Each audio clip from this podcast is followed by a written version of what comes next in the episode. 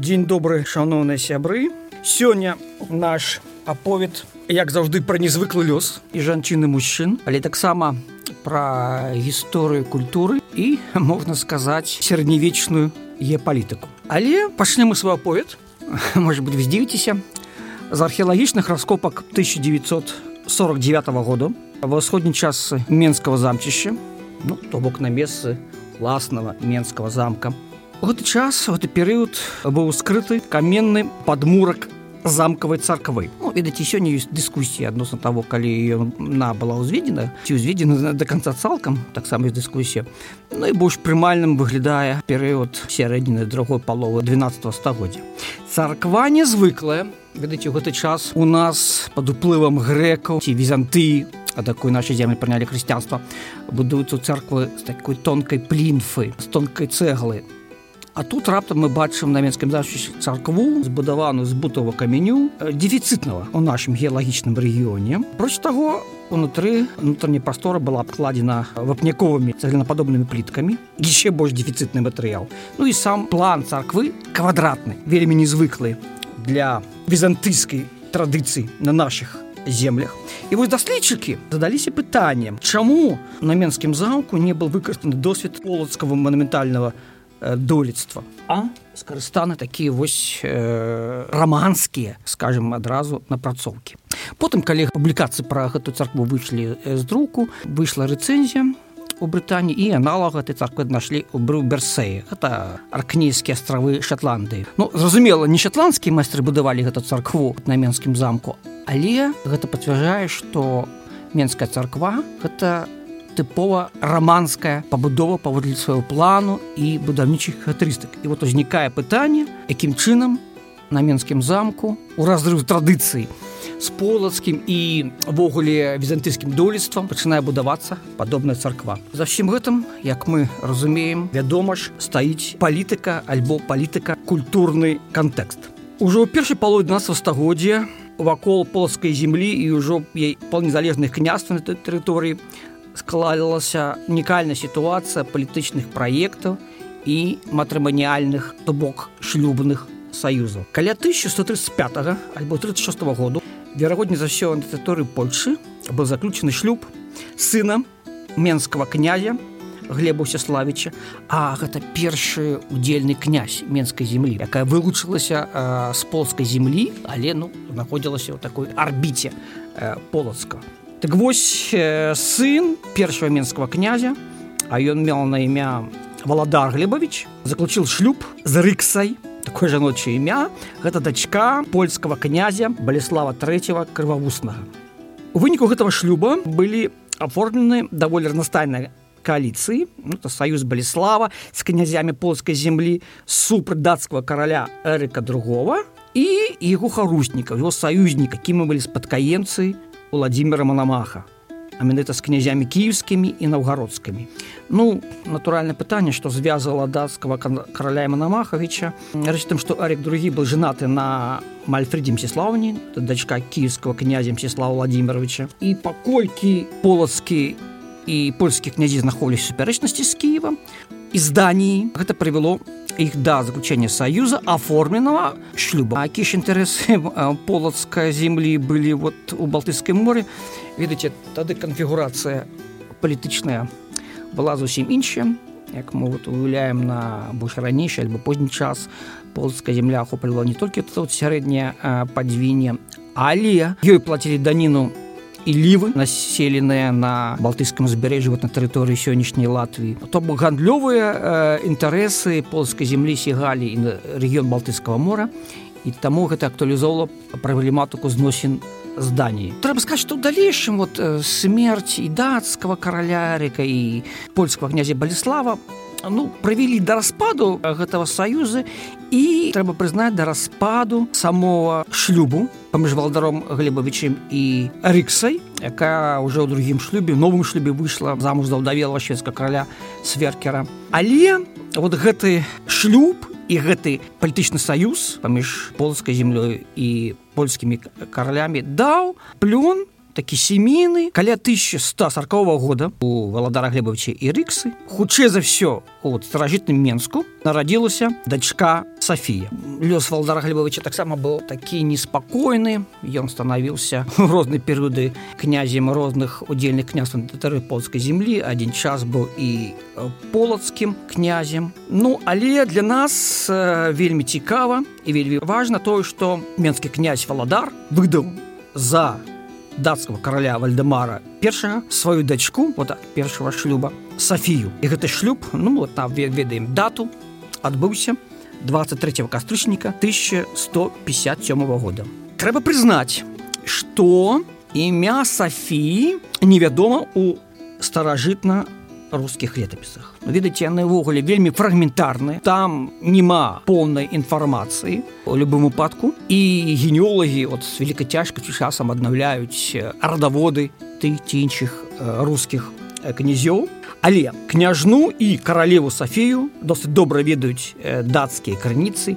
І найперш прапіша саксон граматык які указвае што вот бацькам Сафіі быў русін патры рутэну. Ну трусін як носіць чалавек вот з нашай усходнееўрапейскай тэрыторыі саксон граматыка ўвогуле такая каларытная асоба разумееце там што вот, ягоны гісторыі данаў якраз апісана напрыклад гісторыя гаміта прынца дацкага з якой потым скарыстаўся шекспір калі напісаў сваю нумеручую паэму таксама вот саксон граматык э, апісаў некаторыя дэталі жыцця Сафіі і гэты дэталь нам трохі ніжэй будуць вельмі важнымі і цікавымі. Трэба сказаць, што нейкі час у гістарыяграфіі існавала дыскусія адносна паходжання Сафіі, бо не все крыніцы ее так дакладна ее радавод акрэсліваюць. Была нават версія, што может быть яна была сынам Владимира князя Наўгародскага. Але сёння большасць даследчыкаў, які вывучаюць гэтую тэму, прызнаюць, што Сафія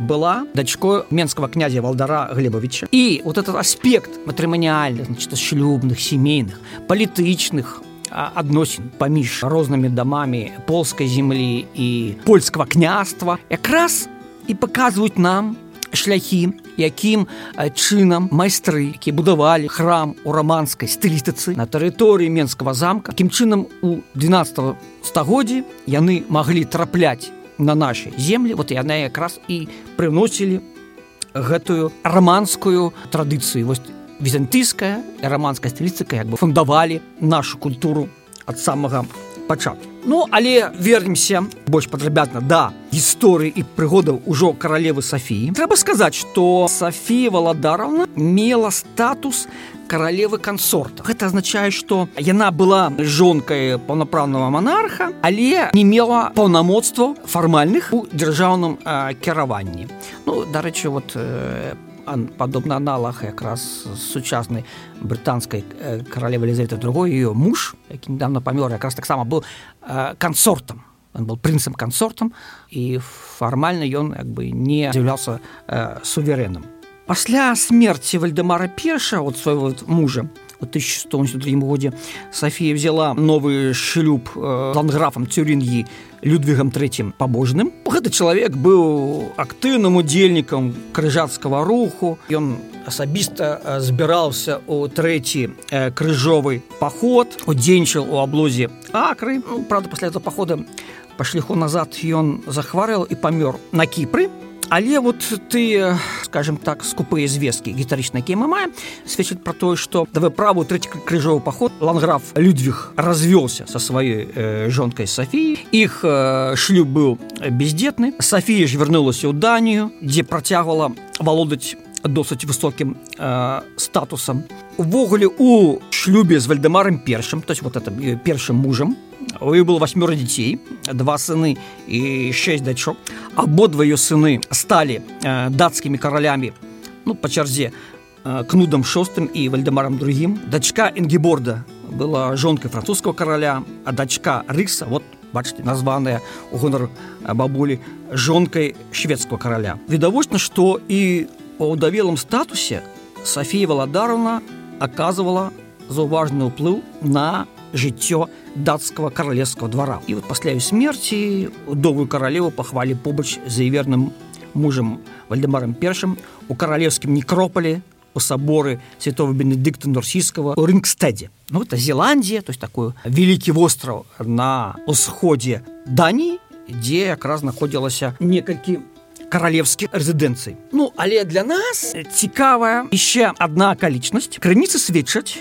что каралева Софія і князь валадар глебович падтрымлівалі сувязь і надалей вот пасля шлюбу Софіі один з аўтараў монах уильям кантерберійскі опісываў такі сюжет як нехта клімент ну то вот грэцкае імя якое вошло ў славянскі іменасло не ведаем хто был паходжаны але відавочна что вот скажем з наших рэгіёнаў так вось вот ён вяртаючыся з русі вёз дары Софіі Каралеве дану. Якія былі пасланы яе бацькам конугам? Але клімент был схоплены в Фінляндии ну это такі рэгіён по море заселены заходне славянскім племенем венедаў схоплены скажем так венецкімі піратамі даведавшись про гэта Софія звярнулася да свайго мужа караля вальдемара. Рэшце рэшт пасля нарады з лунскім арцыбіскупам супраць арбанікоў разам с аднатымі людзьмі каралевства был выправлены сын вальдемара і Софіі кнут які якраз чакаў пасвячэнне ў рыцарства. Ну і вот такім чынам кнут здабыў рыцарства абараняючы гонар свайго деда валдара глебавіча вот гэтыя падзеі адбываліся каля 1176-78 гадоў. Вядомы нам саксон граматык таксама апісваў эпізод з нападам славянскіх піратаў на пасольства караля вальдемара якое вярталася з дарункамі ад цесця караля. У той час якраз валадар Глебович вёл змагання за дамінацыю Менска у полацкай землі, а у нейкі перыяд у 1067 годзе ён быў і полацкім князе. Такім чынам сувязі паміж даній і полацкай землёй у канцы 12 стагоддзя не спыняліся. Полацк працягвал павялічваць у паўночнай Еўропе свой вобразны капітал.